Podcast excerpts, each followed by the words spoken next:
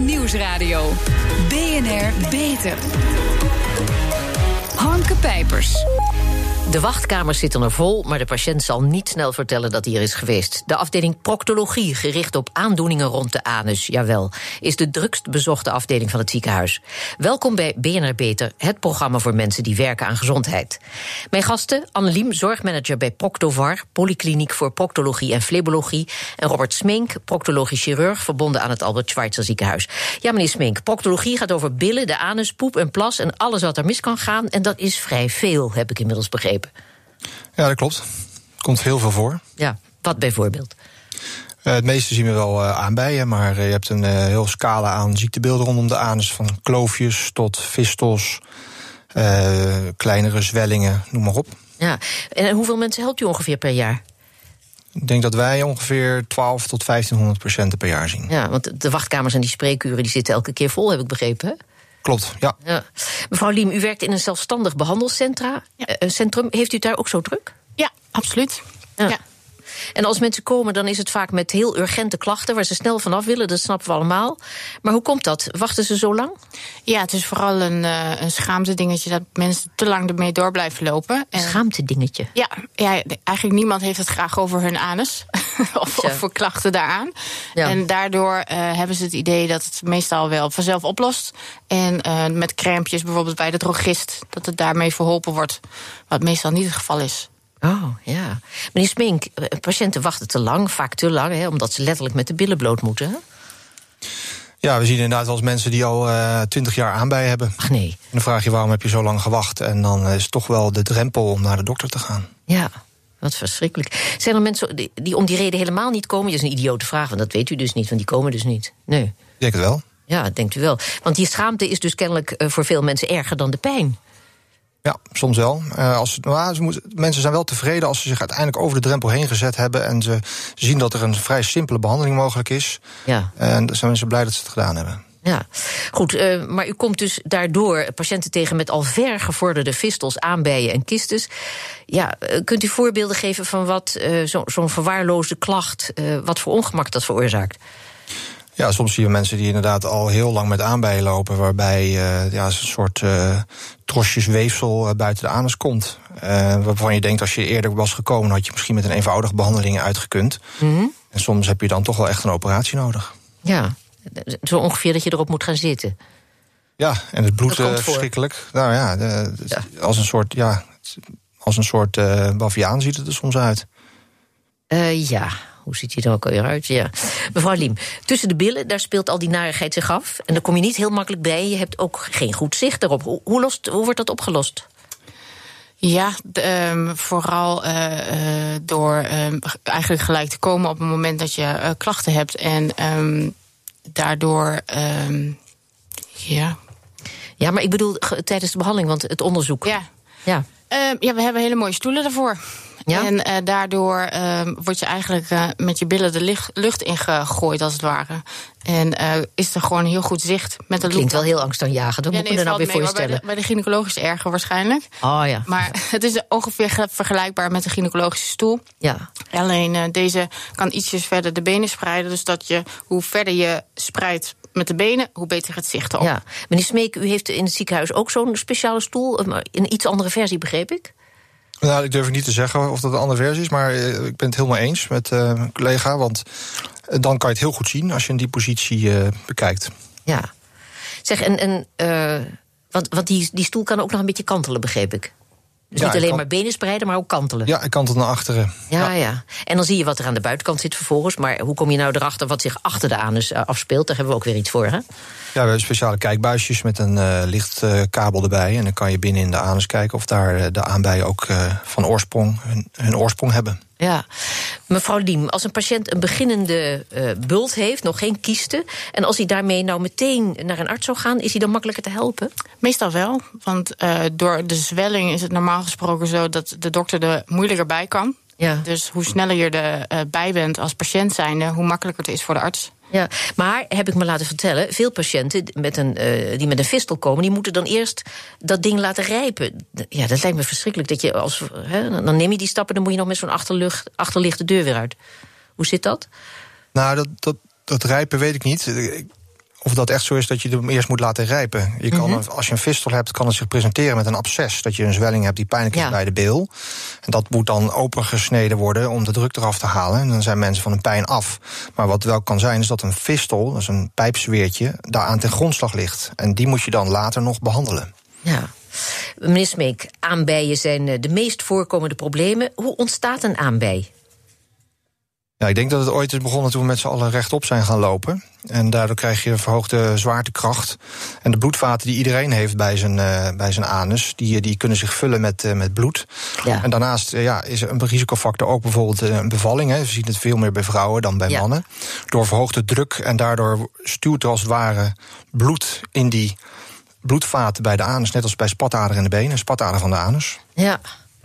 En, en hoe lang duurt het voor een aanbij uh, klaar is? Of, of blijft zo'n ding eindeloos doorgroeien? Hoe zit dat? Ja, goede vraag. Ja, het wisselt heel erg in de ernst. Je hebt ook verschillende graderingen die we gebruiken. Mm ja, de, de ergste graad is dat ze aan de buitenkant zitten en enorm pijnlijk zijn omdat ze opgestold zijn. Veel verder dan dat kan niet. Ja, maar dat mensen daar zo lang mee wachten, want dat is toch niet te doen? Nee, ja, dat, dat klopt. Maar dat, dat is weer de, de, de schaamte, denk ik. Hè? Ja, ja. vreselijk. Zeg, en wat, wat zijn de gevolgen van aanbijen? Wat voor klachten krijgt de patiënt? Ongemak um, noemde we al, daar kan je iets bij voorstellen. Maar... Ja, bloedverlies is een veel voorkomende klacht, jeuk. Uh, soms ook uh, dat ze ja, een beetje vochtverlies uh, hebben. Ehm, dat zijn de belangrijkste. En hoe behandel je een aanbij? Je hebt verschillende soorten behandelingen. Dat mhm. hangt een beetje af van hoe uitgebreid het is. Maar uh, de meest voorkomende is wel dat je met een soort elastiekjes uh, de aanvoerende bloedvaten onderbindt. En dat kan je polyklinisch doen. Hoef je dus niet uh, naar een operatiekamer voor. Ja, en, en doe je dan als het heel erg is en je hebt zo'n hele tros, dat dat, dan moet dat in gedeelte? Of hoe je kan er meer, meerdere van die bandjes kan je plaatsen. Dat is ja. pijnloos. Dat ja. voel je niet. Daar zitten geen gevoelszenuwen binnen in de, de anus. Ja.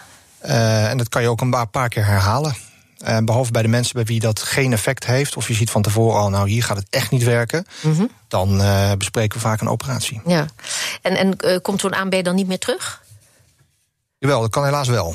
Oh ja. dat heeft ook een beetje met je stoelgang te maken. Dus we geven ook adviezen mee. Dat je op je stoelgang lekt, niet geobstipeerd raakt, ja. persen tijdens de ontlasting. maar er is zeker wel een hoge recidiefkans bij aanbijen, helaas. Zeg, en hoe hoog is het herstelpercentage bij aanbijen? Nou, ik denk dat dat wel uh, tegen de 70, 80 procent uh, ligt. Op, ja. Onafhankelijk van welke manier. En, en, en bij vistels? Ik hoorde 60 procent, dat lijkt me zo weinig. Of, is, of klopt dat wel? Ja, nee, dat klopt. Vistels ehm, zijn heel teleurstellend in de zin van slagingspercentage na onze chirurgische behandelingen. Ja, Daar zijn we nog steeds mee bezig om betere behandelingen te ontwikkelen. Want, want waar mankeert het dan aan? Wat is de oorzaak van het feit dat het, dat het herstelpercentage zo laag is? Ja, dat, dat weten we niet goed. Als we dat nou wisten, dan hadden we al iets bedacht wat 100% eh, slagingspercentage heeft. Ja. Uh, dus daar moet nog steeds meer onderzoek naar gedaan worden. Maar ik kan me toch voorstellen dat u als vakman zo lang bezig in dit gebied uw vermoedens heeft. Ja, nou het belangrijkste is eh, dat je de opening mm sluit van een pijpsfeertje in, de, in de, het anale kanaal. Maar dat schijnt dus heel moeilijk te zijn. De verschillende technieken die je hebt, die falen daardoor. Maar er is wel een, een, soort nieuwe techniek in opkomst. Wordt er niet overal gedaan, maar er wordt nog onderzoek naar gedaan. Dat zijn stamcellen. Ach. En, uh, daar wordt nu wel wat hoop uh, op gevestigd. Stamcellen klinkt heel veelbelovend en heel modern. Goed, gaan we het zo dadelijk over hebben. Want het zou natuurlijk wel zo fijn zijn als elke patiënt herstelt en nooit meer terug hoeft te komen bij de proctoloog. Hoe krijg je dat voor elkaar? Daarover zo meer. BNR Nieuwsradio. BNR Beter. Poepen en plassen, we doen het allemaal en als het goed is meerdere keren per dag. En als dat niet probleemloos gaat, dan kan dat voor veel klachten zorgen. Daar praat ik over verder met mijn gasten Robert Smink, proctologisch chirurg en zorgmanager Anne Liem. Ja, mevrouw Liem, als iemand een operatie rond de anus heeft gehad, hè, hoe zit het dan met die hygiëne? Er wordt gepoept, geplast. Dat lijkt me niet handig als je een wond hebt. Nee, dat klopt, inderdaad. Um, wat we eigenlijk doen, is ervoor zorgen dat de ontlasting zacht blijft. Zodat mhm. het poepen allemaal wat makkelijker gaat. En uh, ze krijgen een, een, een, nazorgbriefje eigenlijk dat ze het goed schoon moeten blijven houden. Met uh, bijvoorbeeld elke keer na een toiletgang de douchekop erop zetten. En als ze het prettig vinden, dan wat vaker. Ja. In Nederland hebben we redelijk povere toiletgewoonten... met meestal niet meer dan droog toiletpapier. Is de nieuwe luxueuze volautomatische play die de billen wast en droogt... hij is in opkomst, heb ik begrepen. Is dat een uitkomst? Ik denk het wel. Ja, ja ik denk het absoluut. Juist omdat er soms te veel viezigheid achterblijft. Ja. Daar krijg je ook ontstekingen en wondjes van. En dat wil je ook niet. En juist doordat zo'n supermoderne wc er zou kunnen komen... Ja, dat zou natuurlijk een oplossing zijn voor heel veel kleinere kwaaltjes. Ja. ja. En uh, meneer Smink, enthousiast over die, uh, over die wc? Ja, op zich wel. Ik denk wel dat het ook uh, niet iedereen uh, kan beschikken over zo'n wc. Ik weet niet wat het ding kost. En daarnaast, heel veel mensen zijn natuurlijk op hun werk of uh, elders... als zij ook bepaalde behoeftes hebben. Dus dat ja. vind ik wel weer een nadeel. Ze zijn te koop en ze zijn in opkomst. Heeft u er alleen? Nee, ik kan me voorstellen dat je als vakman denkt, nou, moet ik hebben. Ja, ik ga, ik ga wel eens kijken. Ja, nou, ik ben volgend wc ook. Uh, verandert er trouwens veel op, het, op uw vakgebied, op het gebied van uh, proctologie? Zijn er ontwikkelingen, nieuwe inzichten en methoden? Ja, er, begint wel wat te komen. We weten allemaal dat het toch nog een beetje een uh, onontgonnen gebied is. Ja, is dat zo? Ja, we hebben best wel veel operatietechnieken die al mm -hmm. heel oud zijn, uh, al van, van decennia uh, dateren. En ik denk dat daar nog heel veel winst uh, te behalen is. En daar is men nu wel mee bezig in den landen. Ja. Eindelijk krijgen we nu studies die we gaan uitvoeren, waar dan eindelijk geld voor gekregen is. Mm -hmm. om te kijken maar, welke... maar waarom is dat niet eerder gebeurd?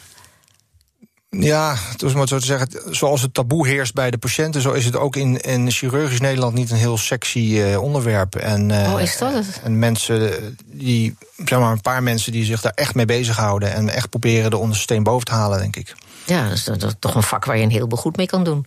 Ja, en het komt heel veel, door, heel veel voor, dus je zou juist heel veel onderzoek naar kunnen doen. Ja. Maar u noemde al stamceltherapie, dat is toch een heel vernieuwende techniek?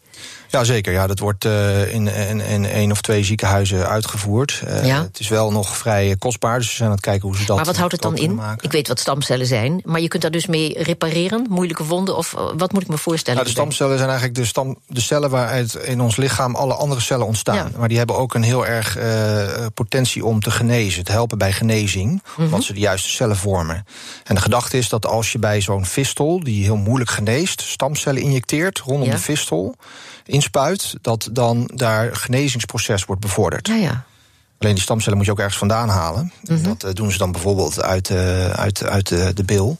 Ja. In de Rotterdamse regio wordt daar onderzoek naar gedaan. Het is veelbelovend met dus succespercentage die zij beschrijven tot 90 procent. Nou, dat, nou, dat, dat lijkt wel meer op. Ja. Um, maar een belangrijke ontwikkeling van de afgelopen jaren, die al wel uh, vrij algemeen in de praktijk is, heb ik begrepen tenminste, dat is het laseren. Hè? Ja, ja, in, uh, in het Oude ziekenhuis zijn wij daar uh, ook mee begonnen. Uh, ja. Met lezen voor verschillende aandoeningen. Met name omdat we vinden dat de oude technieken nog een beetje barbaars zijn. Waarbij je grote wonden maakt die, die pijnlijk zijn. Ja. En we denken dat dat in deze tijd niet nodig is. Die dat en, gezien het gebied ook, ook heel langzaam en slecht genezen. Ja, het is vies ja. gebied natuurlijk. Pijnlijk elke keer als je naar de wc gaat, gaat zo'n wondje, wondje weer open. Ja. En uh, ja, dat, dat kan volgens ons beter. En daarom zijn wij met de laserbehandeling begonnen. Ja, en, en hoe zijn de resultaten? Nou, we zijn nog niet zo heel lang bezig, mm -hmm. ongeveer uh, een jaar nu. En we hebben nu een uh, artsonderzoeker die alle resultaten gaat nakijken. Dus we hopen binnenkort wel wat resultaten te ja. genereren. Maar in het buitenland uh, zijn ze er wel lovend over.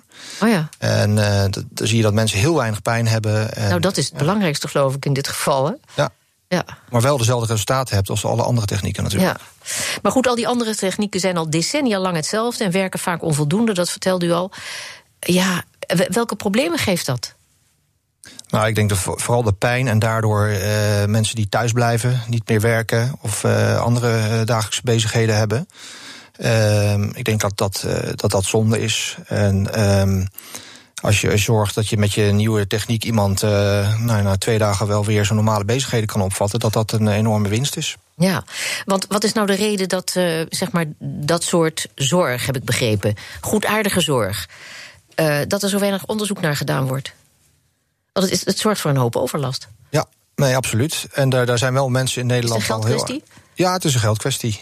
Kijk, kijk de, de, de kanker bijvoorbeeld is iets wat veel meer aandacht en, uh, en geld krijgt dan ja. de, de kleine, goedaardige, alledaagse probleempjes van mensen.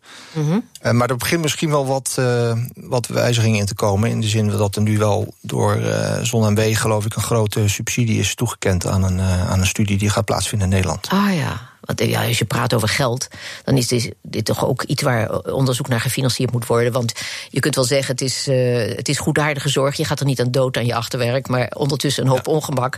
En het zal heus wel heel veel geld kosten, omdat mensen uh, niet durven te zeggen wat er aan de hand is, maar onder het mom van een griepje toch thuis blijven. Ja, nee, zeker. zeker. Er, wordt, er wordt heel veel. Uh, uh, ziekteverlof, denk ik, opgenomen daardoor. Dus de, maar ja, het is heel moeilijk om dat te bewijzen. Dat het heel veel geld gaat opleveren. Ja, maar iedereen weet dat toch? Iedereen snapt dat toch?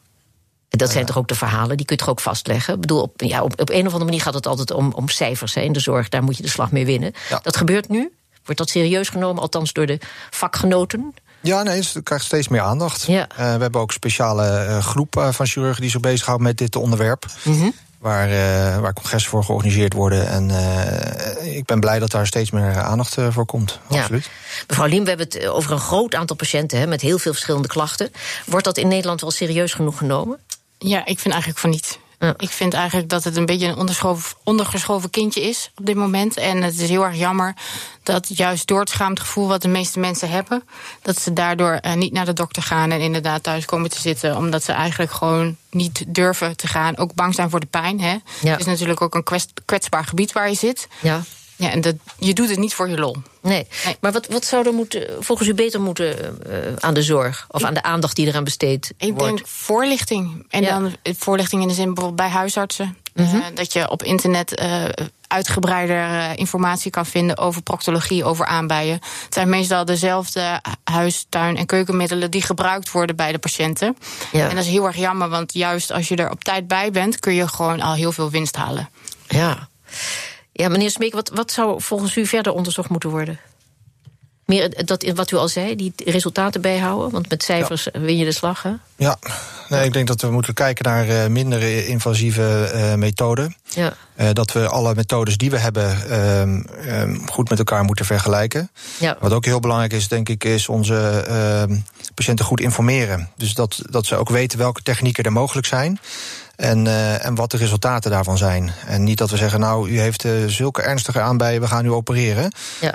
Uh, mes erin. Zo, zo makkelijk is het niet. En tegenwoordig willen patiënten ook veel meer weten. En mensen lezen zelf ook op internet ah, ja. wat de mogelijkheden zijn. Ja. Mevrouw Liem, u bent zorgmanager hè, bij een polykliniek. Adverteren, behoort dat tot de mogelijkheden of, of mag dat niet? ja, adverteren. Of heel beperkt, alleen ja. in de vakpers. Hoe zit dat? Nee, adverteren mag wel, maar ja? in zodanig dat je alleen maar la kan laten zien dat je aanwezig bent. En dat je er bent, maar niet qua uh, prijstechnische dingen. Je mag bijvoorbeeld niet vertellen, nou, een behandeling is dat en dat bedrag. Ja, ja. Hè, want het valt gewoon onder de verzekerde zorg. Ja. Alleen, uh, je mag alleen laten weten dat je er bent. Ja. ja. Patiënten die bij de proctoloog komen, mevrouw Liem, die hebben vaak direct zorg nodig, hè, ja. want ze hebben het heel ver laten komen. Is dat altijd mogelijk om die ook direct te geven? Ja, wij proberen dat eigenlijk altijd wel. Wij, uh, op het moment dat patiënten klachten hebben, dan willen ze eigenlijk gelijk het liefste van de klachten af uh, geholpen worden. Mm -hmm. En daar proberen we wel op in te springen door bijvoorbeeld in het weekend de spreekuur te draaien of in de avonddiensten. En eigenlijk altijd stand-by te staan, want um, dat is hetzelfde als bijvoorbeeld als je kiespijn hebt, dan wil je ook naar de tandarts dat je ja. geholpen wordt. En dat is eigenlijk bij de proctoloog is dat ook zo. Op een gegeven moment de druk wordt zo hoog en de pijn wordt zo erg. Ja. ja dan kun je niet zeggen van nou haal nog maar even een nachtje door. En vandaar dat we ook eigenlijk uh, patiënten waarvan de nood het hoogst is, mm -hmm. die willen we ook eigenlijk het liefste diezelfde dag nog zien. Ah ja. ja. Maar het is niet zo dat mensen s'nachts naar de kliniek kunnen. Ik zie ze in mijn verbeelding als sluipen omdat ze er niet vooruit kunnen. Ja, ja dat mag wel, maar. het leek me nou wel weer een vrij geestig beeld. Ik wou niet ja, over dit onderwerp lachen. Maar, nee. maar goed, ruim de tijd nemen voor de patiënt. 24 uur per dag beschikbaar zijn. Meteen kunnen handelen, nazorg geven. Dat is tijdrovend. En dat is toch ook kostbare zorg. Het is dan. zeker kostbare zorg. En we, we leveren er ook heel erg veel op in. Maar we krijgen er ook heel veel voor terug. En um, als je dat aan elkaar afweegt, dan is het wat je ervoor terugkrijgt, is zo. Ja, geeft jezelf ook zoveel voldoening ja. in het vak. Dan heb je het eigenlijk ook wel voor over. Ja, maar goed. Uh, de verzekeraar die vergoedt, maar uh, houdt hij ook rekening met die speciale eisen, zoals die uh, ook, ook s'avonds beschikbaar zijn en 24 uur per dag? En...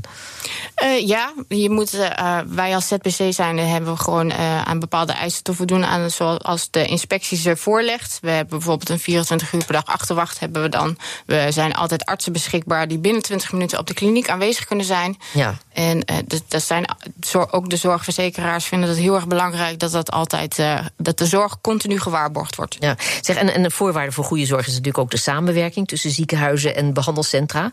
Uh, hoe staat het daarmee? Ja, wij hebben heel erg korte lijntjes bij de ziekenhuizen bij ons in de regio. Uh, We hebben daar uh, contact met de chirurg. Die, als wij iets hebben, bijvoorbeeld een fistel, wat wij zelf niet uh, behandelen. We willen het wel eens doen, maar liever niet. Ja, dan hebben we korte lijntjes en dan kan de patiënt meestal diezelfde dag ook nog door de chirurg in het ziekenhuis gezien worden. Ja, meneer Smeek, werkt u veel samen met zelfstandige behandelcentra? Mm, nou, we, nee, we werken daar niet mee samen vanuit ja. uh, ons uh, ziekenhuis. Nee. U doet dat in uw eigen ziekenhuis? Ja. Ja, u doet een paar duizend ingrepen per jaar, heb ik begrepen. In een vak waarin nog te weinig wordt geïnnoveerd, ook dat nog. En toch heeft u er nog steeds geen genoeg van, hè? Nee, klopt. Dat ben ik helemaal met mijn collega eens. Het geeft, het geeft voldoening. Je kan mensen ook met een simpele behandeling enorm vooruit helpen. Ja. Mensen zijn echt dankbaar. Ja. Heeft, u, heeft u nog een laatste boodschap aan de luisteraar? Ik, zou, ik zou veel luisteraars, er zal hier ongetwijfeld ja. heel veel naar geluisterd worden. Ik zou niet te lang wachten. Ik zou je goed uh, laten informeren. Daar is denk ik de huisarts wel een goede voor. Maar uh, schroom niet om uh, naar een proctologische kliniek, ja, zelfstandig behandelcentrum of ziekenhuis te gaan.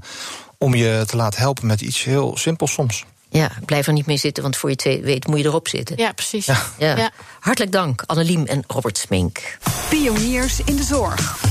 Onze zorgredactie speurt naar interessante medische innovaties binnen en buiten de muren van de universiteit. Waar werken ze aan? Wat moeten wij hierover weten? Rebecca van Dam, pijn verminderen door een spel te spelen. Dat is nu realiteit. Ja, dat is zeker realiteit. Virtual reality. Na de zomer wordt een virtual reality game op de markt gebracht. Reducept heet het. Mm -hmm. Waarmee mensen met chronische pijnklachten hun pijn kunnen bestrijden. Ja, dat, dat, moet je uitleggen. Want hoe gaan ze het gevecht met pijn aan? Nou, degene met de chronische pijn die onderneemt in die virtuele wereld een soort van reis. Uh, en hoe dat precies gaat, vertelt ontwikkelaar Margriet Venema. Pijn is eigenlijk een heel gezond en een heel mooi mechanisme. Het probeert je te beschermen uh, als er gevaar is voor dreiging voor pijn. En bij mensen met chronische pijn is dat systeem eigenlijk een beetje overgevoelig geraakt. Het gaat continu af en het zegt dat er gevaar voor pijn is, maar dat is soms helemaal niet meer reëel. Wat wij eigenlijk doen is in die reis, is dat de patiënt drie verschillende technieken als het ware uitvoert. Psychologische technieken, waardoor we heel goed in staat zijn om het brein eigenlijk weer het vertrouwen terug te geven in het lichaam en dat er eigenlijk geen gevaar is voor pijn. Ja, een soort gedachte-experiment. Je, je, houdt de hersens voor de gek? Nee, in tegendeel. De hersens worden juist getraind om weer vertrouwen in het lichaam te krijgen. Mm. Als de patiënt dit drie weken lang elke dag een klein half uurtje doet, leert hij hoe de pijn in het lichaam werkt en de signalen soort van weg te schieten. Zelf weer controle krijgen dus. De signalen weg te schieten, hoe moet me dat voorstellen? Uh, hoe dat precies gaat, dat weet ik niet. Maar oh ja. ze krijgen bijvoorbeeld EMDR, uh, allerlei soorten van therapie en informatie hoe pijn werkt. En door dat te leren begrijpen, kunnen ze ook zien wat er gebeurt en het beter zelf bepalen en controleren. Ja, zeg, en, en voor wie is het geschikt? Werkt het voor iedereen? Nou, maar liefst 2 miljoen mensen in Nederland hebben chronische pijn. Dus uitvindingen als deze zijn hard nodig. Het product is, is bedoeld voor iedereen die er last van heeft. Dus hoofdpijn, rugklachten, gewrichtspijn, noem maar op. Uh, Reducept is wel alleen voor volwassenen. En het komt in meerdere talen op de markt. Ja, waardoor nog meer mensen er wat aan hebben. Hoe nu verder? Nou, ziekenhuizen, fysiotherapeuten en zorginstellingen hebben al laten weten interesse te hebben. Uh, er wordt ook al mee gewerkt, bijvoorbeeld in revalidatieklinieken, in het brandwondencentrum. En dat is zeker met succes. En zeggen de oprichters: het is de bedoeling dat de patiënt de training op den deur ook zelf gewoon kan doen, thuis, lekker op de bank. Leuk en nuttig dus. Hartelijk dank, Rebecca van Dam. Ja, op bnr.nl/slash beter is deze uitzending terug te luisteren of on demand via de BNR-app, Spotify of iTunes. We zijn ook op Twitter te vinden onder het BNR Beter. Dus heeft u tips voor ons, laat het ons weten. Tot zover is dit wel de laatste, voorlopig althans, de laatste live-uitzending van BNR Beter. Want in de zomer herhalen we de meest interessante gesprekken van afgelopen seizoen. En dat zijn er heel wat. Ik wens u dus een heel mooie zomer. Ik ben Harmke Pijpers.